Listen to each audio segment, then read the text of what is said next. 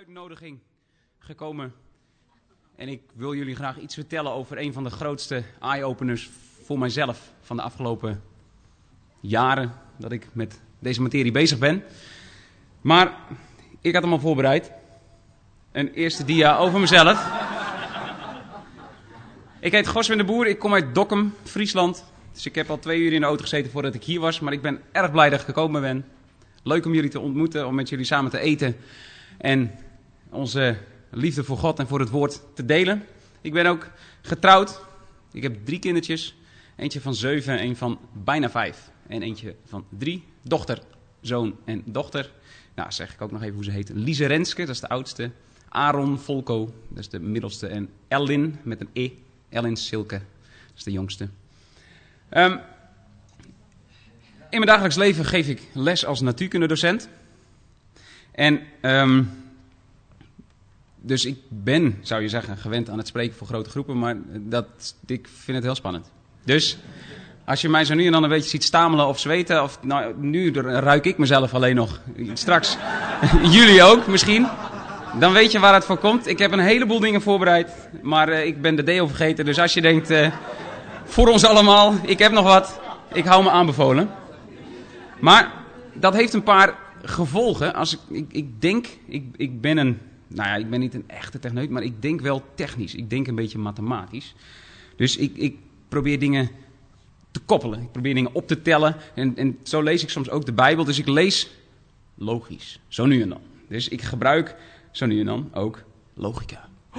Dus ja, dat, dat kan. Ik zie nog geen mensen kruisjes slaan. Maar dat, dat zou. Dat, ik heb het zelf namelijk jaren niet gedaan. Ik heb gewoon gelezen. En daarna gedacht dat dat moest betekenen wat iedereen altijd zei. Terwijl het stond toch echt wat anders.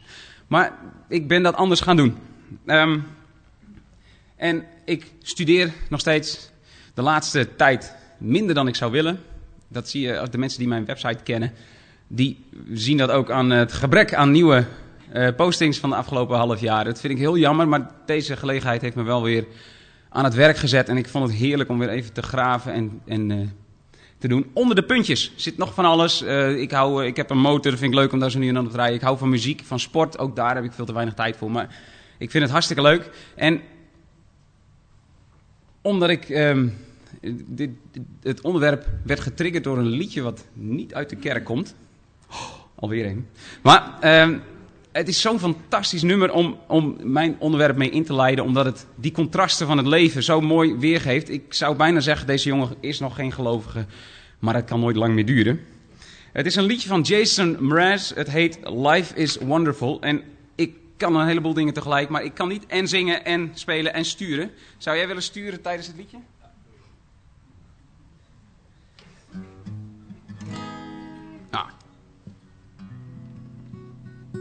Dat komt van die knijper daarvoor op. Die trekt de snaar. Die gitaar heeft zo'n vier jaar aan de muur gehangen. Ik moest echt uh, veel stof afhalen. Dus hij, hij kan een beetje... Het is acceptabel, denk ik. It takes a crane to build a crane. It takes two floors to make a story.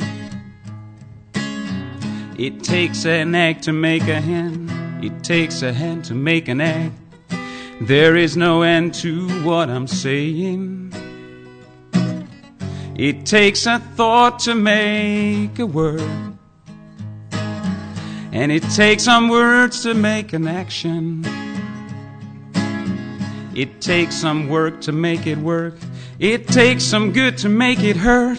It takes some bad for satisfaction.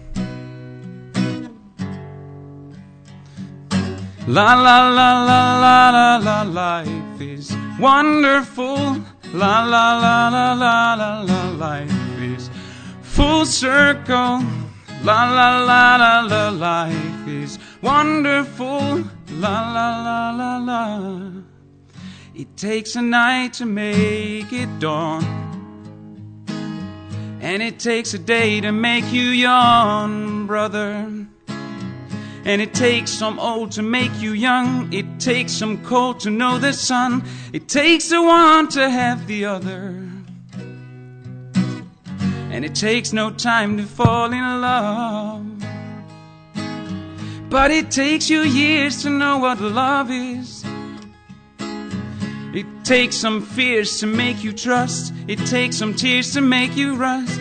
It takes the rust to have it polished. Oh, daar zit hij. Hmm, la la la la la la la, life is wonderful. La la la la la la la, life goes full circle. La la la la la, life is wonderful. La la la la la. It takes some silence to make sound. And it takes a loss before you found it. And it takes a road to go nowhere. It takes a toll to make you care. It takes a hole to make a mountain. Yeah. La la la la la la la life is wonderful. La la la la la la la life goes full circle. La la la la la life is meaningful. La la la la la.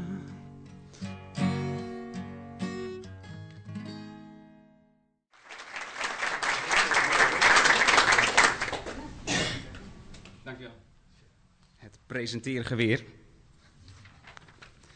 Maar mooi hè, de, de ene en de andere kant en je hebt het allebei nodig. Ik heb bewust het refrein niet vertaald met alalalala, het leven is mooi. Wonderful zou je kunnen vertalen met mooi, maar met alles wat we om ons heen zien, het is niet altijd mooi. Wonderlijk, dat is het wel, maar dat doet ons nadenken. Dus hij denkt over heel veel dingen na, hele fundamentele dingen.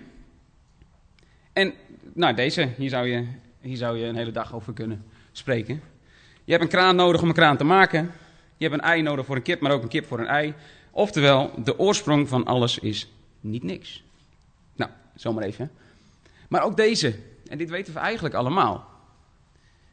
Het moet ook goed zijn voordat het pijn kan doen. Het moet soms een beetje verkeerd gaan voordat je voldoening vindt. En het moet je iets kosten voordat je het iets kan schelen. En dan een mooi citaat van een hele geleerde meneer. Die zegt, alle kennis is relatief. Je moet de dingen gaan vergelijken. Ik vertaal een beetje vrij. Het is een beetje gek om te zeggen, maar je kan vaak beter twee dingen leren dan één. Als je ze met elkaar kan vergelijken. En dat is wat ik je wil laten zien. Contrasten zijn er om ons dingen te leren. En dit zijn wat van die contrasten uit het liedje. Dus um, oud, jong, koud, de zon, stilte, geluid, angst, vertrouwen. Allemaal die dingen die we kennen. Verloren, gevonden, we zijn hem al tegengekomen. Maar ook voordat je een berg kan maken, moet je ergens een kuil graven. Het is heel eenvoudig. En hier klappen ze voor. Als je dit in de kerk zegt, dan vallen er andere klappen soms. Nou, maar in ieder geval, maar het is, je hebt het ene nodig voordat je het andere hebt. En dat is zo simpel, maar het doet ook pijn. Dit zijn contrasten die wij kennen. Ik heb ze op een rijtje gezet. Hele bekende. Donker licht, koud warm, oud, jong, arm, rijk. Nou, u kunt ze lezen. De Bijbel kent er nog een aantal. Dwaasheid tegenover wijsheid. Die hebben we net gehad. Maar ook zwakheid tegenover kracht. Vertwijfeling en hoop, vlees en geest, wet, genade, verwerping, verkiezing is net voorbij gekomen. Oordeel, redding, ze zijn er allebei. En dit is de grootste. En die doet pijn. Die andere kun je misschien nog zo nu en dan um, verkopen, als ik het zo zeg, maar deze doet pijn. En dat, is, dat, dat komt omdat hij ons zo diep raakt. En daarover um, wil ik het met jullie hebben. Als je deze kan plaatsen, of in ieder geval kan toevertrouwen aan onze goede God, dan zijn de andere contrasten misschien iets beter te dragen. Wij scharen meestal onder het kwaad al die termen die ik net liet zien. Dwaasheid, vlees, zwakheid, oordeel, vertwijfeling. Dat is allemaal kwaad en erg. En arm en ziekte en verwerping. En aan de goede kant staat dan nou, de leuke dingen. De redding, de wijsheid, de kracht, de hoop, gezondheid. Hè, dat is de verkiezing, maar ook dat je rijk bent. Sommige kerken die zeggen dat. En dan zijn we er vaak ook nog niet zo erg... Uh, dan is dit ook niet zo'n moeilijke stap. Dat dat kwade, dat is dan van Satan. Dat heeft hij gedaan. Foei. De rest, dat heeft God dan gedaan. Daar zijn we blij mee. En wij? Wij moeten geloven. Dus wij zitten daar dan ergens tussenin. en dan mogen we kiezen. Maar is dat echt zo? Want als je dit gelooft, dan betekent het dus dat wat jij gelooft bepaalt aan welke kant je komt. Dus ook welke dingen je gaat ervaren. Dat het kwaad wat jou overkomt een gevolg is van jouw keuze. Dat maakt jouzelf heel belangrijk en het zadelt je op met een fix schuldgevoel. Of, als je dan aan de goede kant zit, en dat, dat ken ik ook, ik was een hele goede gelovige, dan, dan heb ik dat toch wel een beetje aan mezelf te danken. En. Oh, dat is, is het altijd. Um, en ik hoop dat je, omdat ik het zo heb neergezet, dat je nog iets ziet. Ineens sta ik daar tussen de twee grote krachten in het universum. En als je goed kijkt, zelfs nog een beetje daarboven. dat, is, dat is nogal wat. Als je dit van jezelf zegt, dat jij daar tussenin staat en dat jij kan bepalen wat er gaat gebeuren. Klopt dat wel? Dus de vragen waar ik probeer iets over te zeggen, en ik kan nooit uitputtend zijn. En ik ben ook maar um, een Bijbelstudent met een beperkte agenda en met weinig tijd en een beperkt uh, begripsvermogen. Dus dit is wat ik zie, wat ik kan zien. En daar ook nog weer een stukje van, want ik kan niet alles vertellen wat ik zou willen zeggen. Waarom? Van waar komt het kwaad en het goed? En waartoe is het? Dat zijn goede vragen om te stellen. En het antwoord is niet altijd leuk. Maar goed, de oorsprong van alles zegt wel iets over de uitkomst. Wie kent hem? Het bekende flyertje. Ik heb hem eens een keertje gekregen uh, bij een kinderdienst. Ging met onze kindertjes. Toen geloofde ik al iets anders dan in de kerk waar wij kwamen. Toen hadden ze een kinderdienst. Fantastisch natuurlijk. Leuke muziek en uh, er waren snoepjes. Dus onze kinderen waren er heel erg blij mee. En aan het einde was er nog, uh, alle kindertjes moesten dan door die ene deur naar buiten en dan kregen ze nog snoepjes mee en een flyer. Dus dat, je kon er niet omheen. Die flyer kreeg je mee. Dus ik noemde dat ook een beetje gekscherend, een soort flyerfuik. Je, je, je ontkwam er niet aan, maar ik heb hem eens een keertje goed doorgelezen. En eerlijk gezegd, ik, zo geloofde ik het ook, maar het is echt droevig. Eerst was er niks, alleen God. En hij woonde in het licht. God heeft alles prachtig gemaakt. En dan zie je die miertjes daaronder. Nou, die zou ik zo op gaan staan. Oh, wat mooi. Er is niemand die ons opeet. In die heerlijke tuin maakte God de eerste mensen en hij noemde hen Adam en Eva. Dit weten we. Hij gaf ze niet alleen een mooi lichaam, maar ook een ziel om je blij te voelen of verdrietig. En om te kiezen tussen goed en kwaad. Ik weet niet of je kiest met je ziel, maar dat terzijde. Diep nadenken en blij voelen, dat zou ik ook wel willen. Dat zegt dat miertje dan. Dus de toevoegingen zijn nog niet zo heel erg hoogdravend. Waarom maakte God de mens zo? Om ze zelf te kunnen laten kiezen tussen goed en slecht. Tussen God en de vijand van God, Satan. Dus ik lees het zoals ik het aan mijn kindertjes zou voorlezen. Hè. Dus uh, de mensen kozen verkeerd. Ze kozen niet voor God, maar ze gingen voor Satan en ze gingen verkeerde dingen doen. En dat heet zonde. Als je zonde doet, kun je niet meer bij God horen. En dan zie je die meertjes weer. Oh, echt zonde? Stom, hè? Nou ja, en dan die laatste verdriet en dood. De prachtige tuin van God. De aarde werd verplaatst van verdriet en dood. En God zelf vond het het allerergste. Want hij had zo gehoopt dat de mensen van hem naar zouden houden. En nu had God dus geen vrienden. Wat vreselijk. Geen vrienden. Komt het nou nooit meer goed? Nou, het komt goed. Maar ondanks dit. Want is het nou echt zo? Dus als ik dit ga samenvatten, hè, dus ik ben een beetje een beelddenker en dat wil niet zo goed met stilstaande plaatjes, maar eerst was er God. Toen was dat goed. En toen ineens, move. Want er komt ineens kwaad, waar vandaan? En moet dat goed dan plaatsmaken voor het kwaad? Dus heb je dan, is het goede ineens kleiner geworden, omdat er ineens ruimte is voor het kwaad? Waar komt dat vandaan? Is dit wel, is dit een oeps? Heeft God iets verkeerd gedaan? En is dit nou inderdaad de boodschap van de Bijbel, dat wij daar tussenin zitten en dat wij moeten gaan kiezen? Of is het allemaal een klein beetje groter dan dit? Het gaat om de credits. Mooie Engelse term. Het gaat om de eer. Jason Mraz wist het al. Hij zegt: It takes the one to have the other. Je hebt ze allebei nodig. Zijn die contrasten waar wij zoveel van leren, die ons verrijken, soms ook eens een keertje bijna vertrappen, maar waar wij uiteindelijk vaak sterker weer uitkomen, zijn die echt onbedoeld? Dat God ineens zegt: Oh, oh maar dat is eigenlijk ook wel mooi. Nee toch? Moeten we voor die levenslessen dan de, de eer geven aan Satan, omdat die toevallig, eh, die, zijn die contrasten nou echt bij hem verstaan? Moeten we onszelf op de schouders kloppen omdat we voor Jezus hebben gekozen? Wie krijgt eigenlijk de eer voor de schepping en de geschiedenis? Zie je dat? Dus dan wordt die vraag naar contrasten wordt ineens best wel groot. Waar zijn wij in dit verhaal en waar is God? Hoe groot is God eigenlijk? Ik heb bij elke dia geschreven wat ik wilde zeggen, maar ik heb er nog niet naar gekeken. Ik ben nu bij 24. Um, volgens mij heb ik niet zoveel gemist. Van waar? Dat is de eerste vraag. Als je weet waar het vandaan komt, dat zegt vaak wel iets ook over de uitkomst. En als je dan in het Oude Testament leest, het staat er niet zo zwart op wit, maar het staat er zo nu en dan wel, dat God over zichzelf zegt, wie heeft de mens een mond gegeven? Wie maakt stom of doof? Ziende of blind? Ben ik het niet? De Heere? Wij zeiden net nog van ja, maar ziekte en kwalen en al die dingen die komen van, van de verkeerde kant. God zegt van niet. Maar dit zijn teksten die mij pas opvielen toen ik erop ging letten. Nog eentje.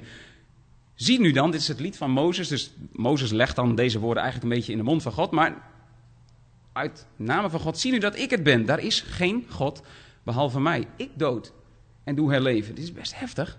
Ik verbrijzel en ik genees.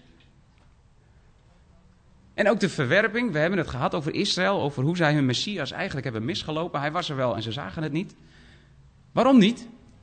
Nou, hetgeen Israël najaagt heeft het niet verkregen, maar het uitverkoren deel heeft het verkregen en de overige zijn verhard. Gelijk geschreven staat, ik heb het vet gedrukt, staat niet in de Bijbel vet gedrukt, maar toch, dit soort dingen beginnen, begonnen mij ineens op te vallen. God gaf hun een, diepe, een geest van diepe slaap. Hé? Waarom? Waarom doet hij dat? Nou, hier staat een hele grote tekst. Zoals gij eertijds aan God. Ik doe het ook een klein beetje vrij hoor. Tenzij je zegt van het hou je maar gewoon. Ik, ik doe het wel zoals het in de staat. Evenals gij eertijds aan God ongehoorzaam waart. Maar nu ontferming hebt gevonden door hun ongehoorzaamheid. Zo zijn zij. Zo zijn ook deze nu ongehoorzaam worden. Opdat de door u betoonde ontferming ook zij thans ontferming zouden vinden. Dus twee groepen. Gij en ook zij. En de Bijbelvertaling zegt dan, want God heeft hen allen onder de ongehoorzaamheid besloten. Maar u ziet wel, dit hele verhaal daarvoor gaat niet over hen, maar gaat ook zij en gij. Dus heeft allen. Dat hen vind je niet terug in de grondtekst. God heeft, heeft allen onder de ongehoorzaamheid besloten. Waarom? Om zich over hen allen te ontfermen. Je kan niet ontfermen als er niet eerst afstand is. It takes the one to have the other. Nog eentje. Waarom is de wet? Dat wisten de Joden niet toen ze de wet kregen. Maar Paulus, die langzamerhand een steeds grotere horizon krijgt, begint te zien waar alles voor dient. En die zegt: Waarom dient dan de wet? Om de overtredingen te doen blijken, is zij erbij gevoegd. Dus de wet is gekomen zodat wij het fout gingen doen. Wat is dat voor een God? En nog eentje waar, uit Romeinen. De wet is erbij gekomen zodat, en de Statenvertaling zegt zelfs, opdat de overtreding zou toenemen. Het schetst een heel grimmig beeld van de oorsprong van het kwaad. Maar waarom? Want die tekst gaat verder in Romeinen. Waar evenwel de zonde toenam, is de genade meer dan overvloedig geworden. Opdat, gelijk de zonde als koning heerste in de dood, zo ook de genade zou heersen door rechtvaardigheid ten eeuwige leven door Jezus Christus onze Heer. Dus, eerst het een, daarna het ander. Eerst zonde, dan genade. Als je niks misdoet, kun je ook geen genade ontvangen. En genade, voor de mensen die dat moment zich nog kunnen herinneren, op de knietjes, tranen over je wangen, je voor het eerst ziet, God, enorm. Dus ik heb het niet verknald. Ik mag nog bij u komen, dat is een fantastisch moment. Maar als je, je had dat gemist, die acceptatie, als je niet eerst bewust was van het feit dat het niet goed ging. Het een kan niet zonder het ander. We gaan eens even bomen. Ik hou van woordgrapjes. In het paradijs stonden daar twee van. Twee bomen. Dit weten wij. En toch? Um, natuurlijk, de boom van het leven. Die kennen we. Maar ook de boom van de kennis van. Ik ben docent, dus. Goed en kwaad. Dus niet kwaad. Goed en kwaad. Samen. It takes the one to have the other. Dus let op wat er niet staat. Dit is dan weer dat dat ik logica ga toepassen. Hè? Dus uh, hou ogen en oren gesloten als je daar niet, eh, nog niet zo aan gewend bent. Nee, dit staat er niet. Het is de boom van het kwaad. Zo kijken we er vaak wel naar, van ja, vanaf toen ging het mis. Of de boom van goed en kwaad. Nee, dat is niet waar. Het is de boom, ook, dat is ook niet de boom van de kennis van het kwaad. Zelfs dat, nee, ik bouw de spanning op. Het is de boom van de kennis van goed en kwaad. Vanaf dit moment begonnen wij te kennen van het een en het ander. Goed en kwaad. Nog meer logica. Voordat Adam van die boom at, had hij dus geen kennis van kwaad, maar ook geen kennis van goed. Want dat was de boom van de kennis van goed en kwaad. En het kwaad was er dus al voordat hij van die boom had, want het was al te kennen op het moment dat hij van die boom zou eten. Het was er al. Waar vandaan? Dat zijn goede vragen. Goed en kwaad komen samen. Maar er was ook een boom des levens. Hoor je weinig over. Hij komt in openbaring nog een keertje terug. Zie, zegt God dan, als het dan misgegaan is. De mens is nu één geworden als één, als onze één. Door de kennis van goed en kwaad. Nu dan, laat hij zijn hand niet uitstrekken en ook van de boom des levens nemen en eten. Zodat hij in eeuwigheid zou leven. Logica. Dus, als je dan niet eet, leef je niet eeuwig, ga je dood. Dus ook de dood, het sterfelijk zijn, was er al in de hof. Want ze moesten van die boom blijven eten om te leven. Dus, en zie, het was zeer goed. Is dit, noemen we dit goed? Eén, dus zo, zo zeg ik het dan, hè? Eén hoofdstuk verder, je staat 2-0 achter en dat noem je goed? Wat is goed? Dus de eerste keer dat je het woord goed tegenkomt in de vertaling, ik heb het niet in de grondtekst opgezocht, misschien staat het nog een beetje eerder, weinig kans, want dit is het derde vers. De eerste keer goed in de Bijbel. God zag dat het licht goed was en God maakte scheiding. Dus er was iets goed en God haalde dat uit elkaar of maakte nog iets anders. Dus God doet dat. Licht en duisternis. En duisternis staat heel vaak beeld voor de andere kant. God maakt die scheiding. Nog eentje. Is dit dan ook goed? Waar komt dan dat kwaad vandaan? Jesaja weet het. Hij zegt het. Niemand leest het. De meeste mensen niet. Of in de vertaling staat het soms ook een beetje anders. Ik formeer het licht en schep de duisternis. Daar heb je ze licht en duisternis. En de koppeling wordt meteen gemaakt. Ik maak de vrede en schep het kwaad. Ik, de Heer, doe al deze dingen. Dat maakt God groot. En misschien ook een beetje eng. Maar dit is wel zoals het is. Zo staat het in de Bijbel. En nou ja, wij. Ik wil geloven wat er staat en niet laten staan wat ik geloof. Maar waarom? Waarom doet God dat? En dan kom je eigenlijk weer terug bij die spreekbeurt van Gerard. Opdat men weten waar de zon op gaat en waar ze ondergaat. Dat er buiten, niemand, buiten mij niemand is. Ik ben de Heere. Het gaat om weten. Of nog eentje. Het schriftwoord, het zegt uh, Paulus dan, als hij het verhaal van de farao verklaart, zegt hij...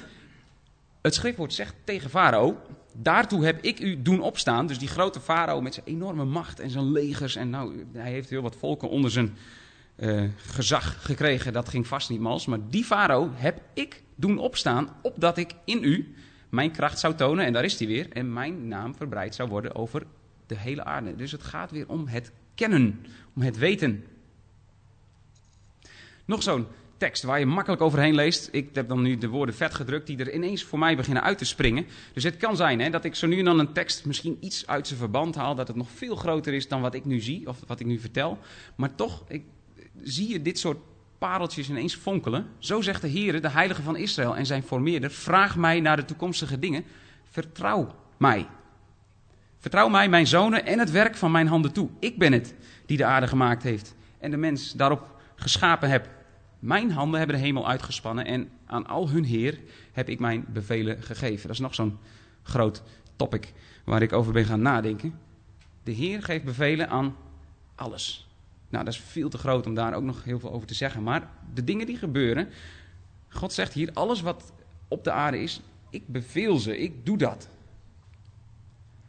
Nou, die uitvoering, dus de dingen die God door zijn schepselen soms laat uitvoeren, dat zijn hele slechte dingen. Dit is een klassiek voorbeeld, maar ik kende hem pas toen ik deze dingen begon te onderzoeken. Van een heer Sanherib. Hij deed hele kwalijke dingen. Hij had de ene volk naar de andere omver gemaaid. Hij was ontzettend trots daarop. En God zegt tegen hem: Heb gij dan niet gehoord dat ik het van overlang bereid heb? En van de dagen van ouds vorm gegeven heb? Nu heb ik het doen komen. Gij moest de versterkte steden verwoesten tot een puinhoop. Het moest gebeuren en God wist dat wel.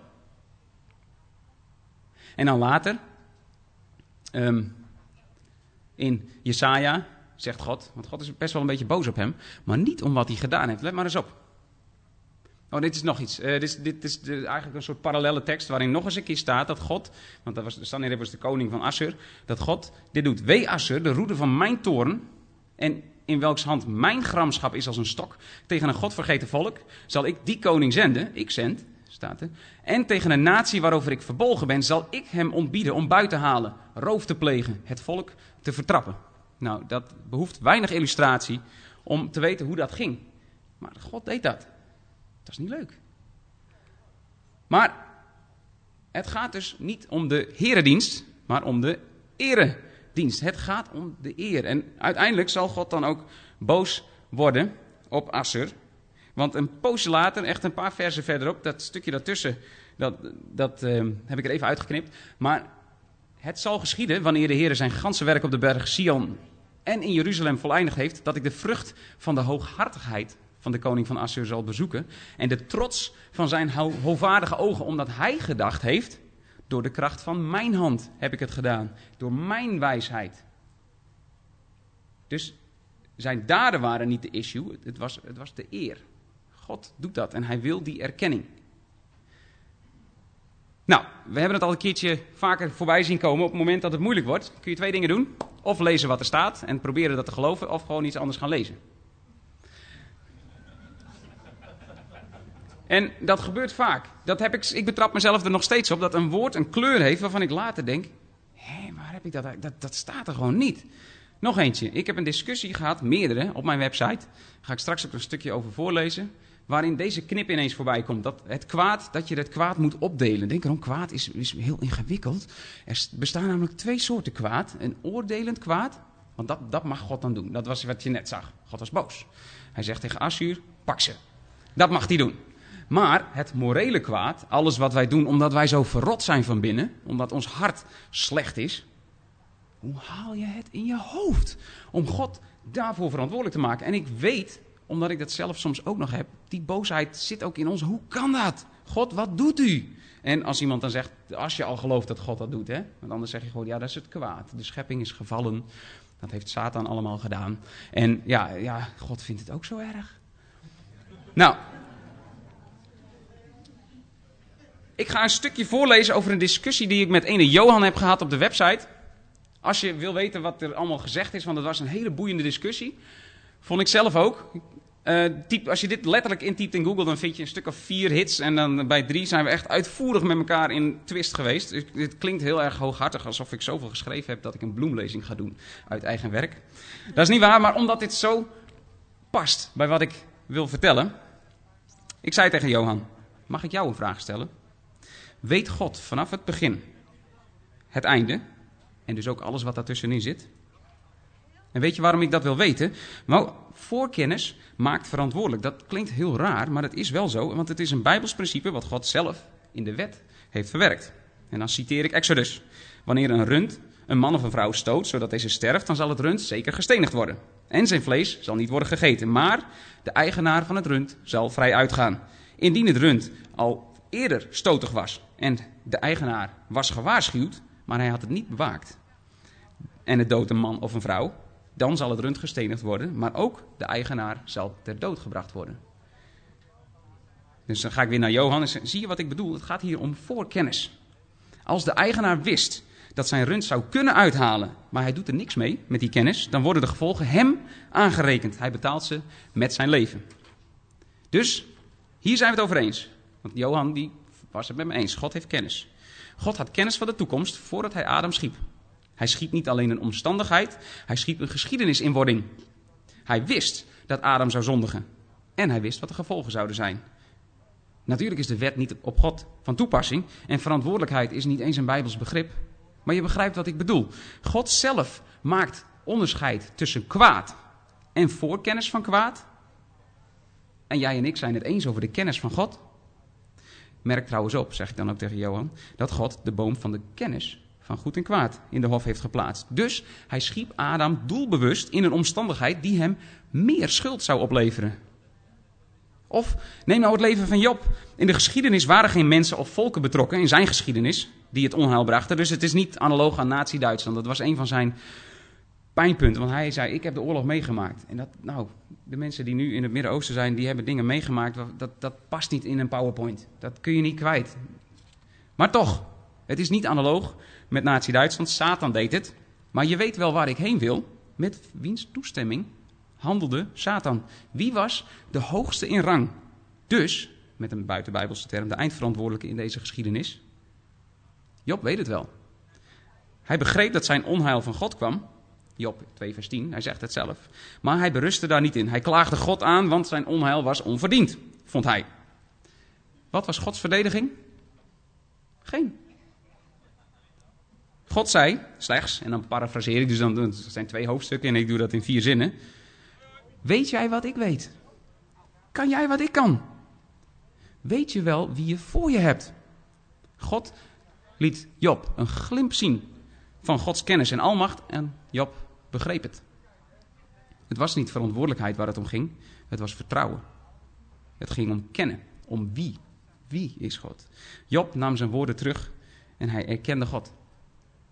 Is het nu anders? Ik ben nog steeds met Johan aan het praten. Is het nu anders met de ellende van nu? Is er een keerpunt in de Bijbel aan te wijzen waar God het stuur uit handen heeft gegeven? Ik heb het niet kunnen vinden. Er zijn nu, net als vroeger, verdorven mensen in overvloed. Soms hele groepen mensen. Maar wie heeft hen in de moederschoot geweven? Wie gaf hen een hart waaruit die afgrijzelijkheden voorkomen? Wist God dan niet waar, die, waar zij toe in staat zijn? Natuurlijk wel. Het is geen onkunde onmacht of onbewogenheid wat maakt dat God die dingen laat gebeuren. Hij ziet verder dan onze horizon. Hij ziet het einde. En ooit, als zijn kennis en almacht aan alle mensen getoond wordt, dan zal iedereen hem erkennen. Net als Job. De leiders en de leiders, de plegers en de klagers, de vromen en de vrijen. Dat is hoe ik het zie. Denk erom, ik geloof niet dat God de misdadigers bij de hand houdt en elke keuze actief stuurt. Ik geloof wel dat als God zijn hand van hen afneemt, dat hij hen overgeeft aan de begeerte van hun hart, als een sloopkogel die je loslaat. Maar wie, God kent die overleggingen van hun hart. Ook die van hun. Hij weet toch dat daar niks goeds uit kan voortkomen. En toch, hij gaf hun dat hart. Waar is hij mee bezig? Of moeten we die vragen niet stellen? En dan sluit ik af. Ik zeg, Johan, nog een keer. De Bijbel spreekt niet van verantwoordelijkheid, maar wel van eer. Wij zouden hem eren als God en hem de achting geven die hem toekomt in voor- en tegenspoed. Zonder hem tot verantwoording te roepen. Kijk ook naar Romeinen 9 waar Paulus dat probeert en waarop die uitkomt. Gij, o mens, wie zijt gij? Wij zouden geloven wat God van zichzelf heeft geopenbaard en hem vertrouwen. God had kunnen besluiten om Adam niet te scheppen. Dan was alle leed gekeerd en alle zegeningen. Maar in den beginnen schiep God Vertrouw je hem zijn schepping toe? Nou, zo sloot ik af. En dan kom je, denk ik, heel dicht bij de kern. Het vertrouwen. Maar goed, de vraag waar Johan dus heel veel moeite mee had, die zonde. Dat kan toch niet van God komen? Als Paulus zou vragen, die zegt, uitgaande van het gebod, wekte de zonde in mij allerlei begeerlijkheden op. Want zonder de wet is de zonde dood. Ik heb geleefd eertijds geleefd zonder de wet. Toen echter het gebod kwam, begon de zonde te leven. Maar ik begon te sterven. Eerst een gebod en dan de zonde. Um, herken je dat? Ik heb een platte televisie thuis. Ik was er vroeger heel trots op, nu is hij alweer oud. Maar toen mijn jongetje een jaar of twee was, vond hij dat fantastisch om daar dan met zijn vingertjes op te drukken. Herken je dat? Dan komen er van die mooie kleurtjes. Dus hij op mijn televisie drukken en ik boos. Nou ja, en op een bepaald moment, hij was lekker aan het spelen, de televisie stond aan, maar hij was er niet mee bezig. En ik ga naar boven en ik denk, nou ja, ik moet het misschien toch maar even zeggen. Uh, Aaron, niet aan die televisie komen, hè? En toen later dacht ik, oh wat dom. Want op het moment dat ik dat zei, zei hij, uh, nee hoor.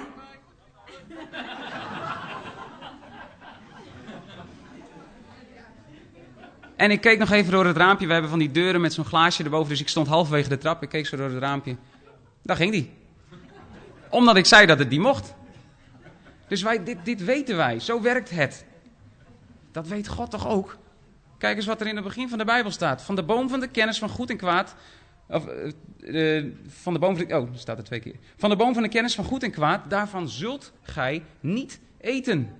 Wat denk je dat het voor effect had op Adam en Eva? Wist God dat dan niet? Zijn die tegentreffers dan ook nog eigen goals? Paulus zou zeggen: volstrekt niet.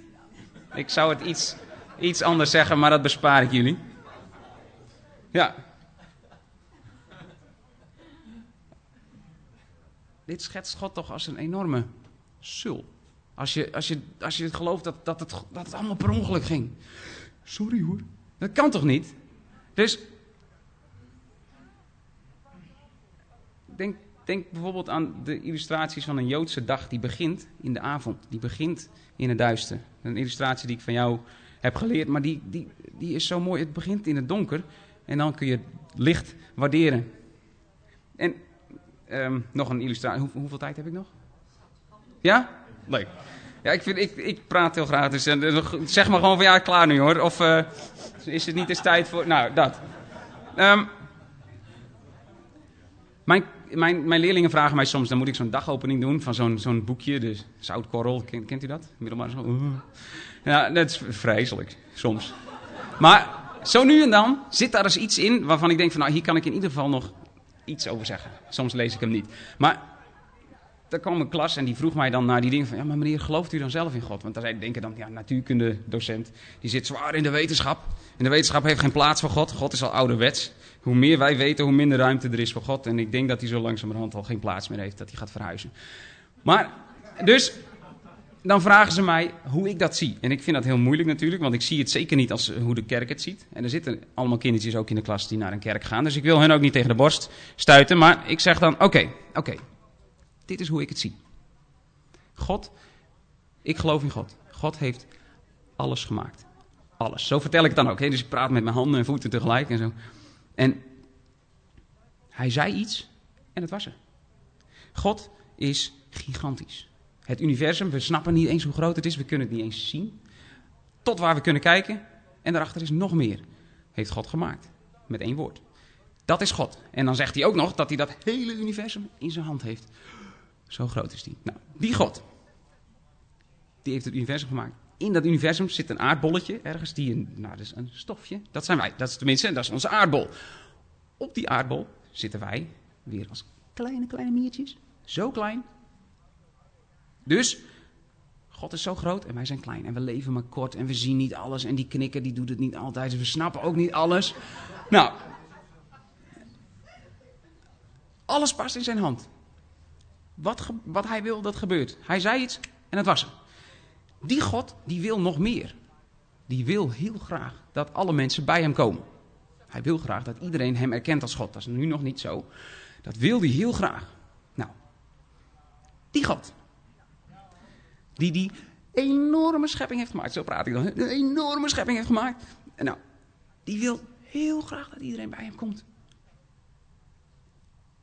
Maar als wij het niet willen, gebeurt het niet. Ik zeg, is dat echt hoe wij het zien? Die God wil iets. Ik zeg nee. En God zegt, jakkers. Hé. Balen. Ik had zo graag gewild. Dat is toch raar? Nou ja, dus dan... Uh, dus ik zei, nou, ik, zei, ik weet niet of jullie God kennen uit de kerk of van jezelf. Geloof dit. God is altijd groter dan je denkt. Ik geloof in een hele grote God en hij groeit nog elke dag in mijn verstand. Hij is groter dan ik heb geleerd. Nou ja, dan laat ik het dan bij. En dan zo nu en dan, zie ik hier en daar... Dan gaat er zo'n radertje aan en dat vind ik dan leuk. En daar komt dan zo nu en dan nog eens reactie op. Heeft hier heel weinig mee te maken. Maar goed, ik, ja, dat, ik ben zo blij dat ik God zo heb leren kennen. Dus ik wil dat graag delen. En soms heb ik die gelegenheid. Vind ik dan heel leuk. Maar waarom doet God dat dan? Of waartoe? Dat was de laatste vraag. Waar gaan we heen? Die overtreffende Ionen, wat kunnen we verwachten van een God die zo diep gaat met ons? Die ons, ik bedoel, met grijs-wit had ik het ook wel begrepen. Waarom zwart-wit? Het gaat om contrast. Oh. Of zoals Martin, wie van jullie kent Martin Zender? Nou, een begaafd spreker die zei ook: Ik ben, ja, nou hij zegt, het is maar goed dat er maar één God was. Want hij zegt, als er nog één was, dan was ik meteen van provider geswitcht. Want hij zegt, het is niet leuk. Ik maak dingen mee waar ik echt van baal. Hij heeft echt moeilijke dingen meegemaakt de laatste jaren. Maar er is één God. We gaan heel diep, maar we gaan ook heel hoog. Dat heeft André net al laten zien. Want dit wil hij. Hij wil zich over allen ontfermen.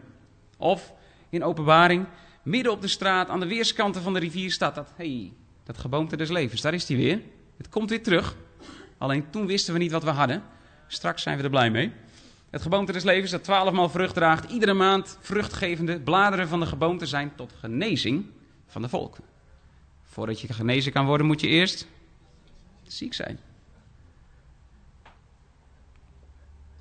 De tent van God is bij de mensen, hij zal bij hen wonen, zij zullen zijn volken zijn. God zelf zal bij hen zijn en hij zal alle tranen van hun ogen afwissen. De dood zal er niet meer zijn, geen rouw, geen geklaag, geen moeite. Want de eerste dingen zijn voorbij gegaan.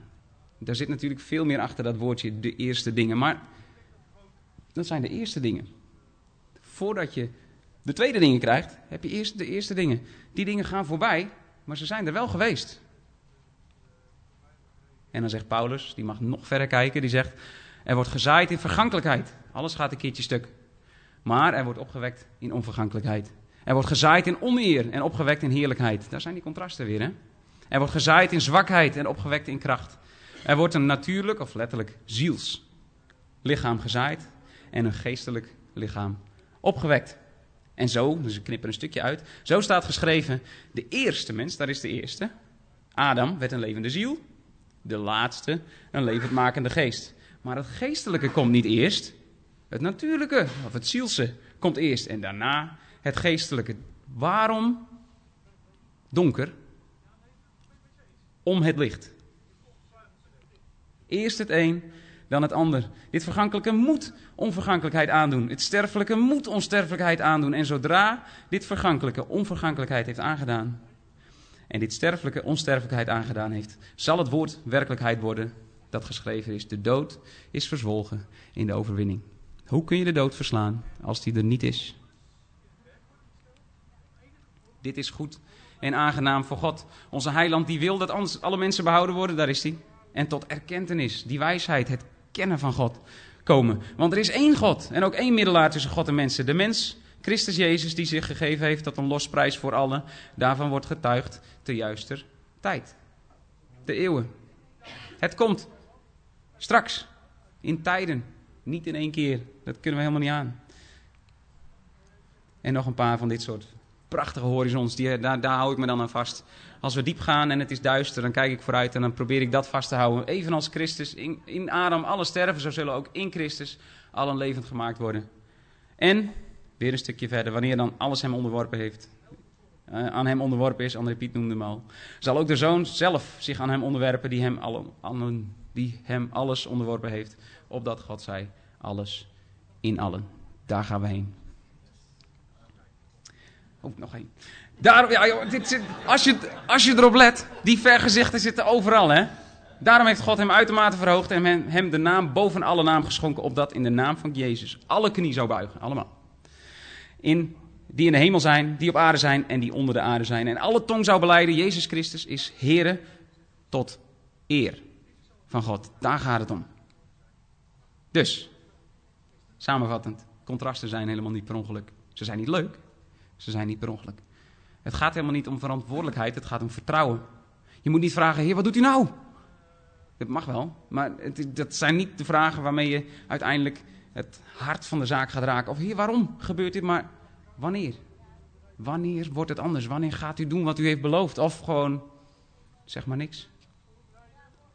Het gaat niet om kiezen, maar het gaat om kennen. Het gaat eigenlijk om erkennen, om de eer.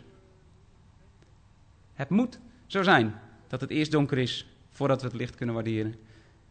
Eerst verdriet, dan troost. Eerst ziekte, dan genezing. Eerst de ziel, dan de geest. Al die dingen. Eerst de zonde, dan de vergeving. Eerst zaaien, dan oogsten. Eerst sterven, dan leven. Eerst kwaad, dan goed. Dus eigenlijk wilde ik mijn titel alsnog veranderen. Gods contrasten zijn wit op zwart.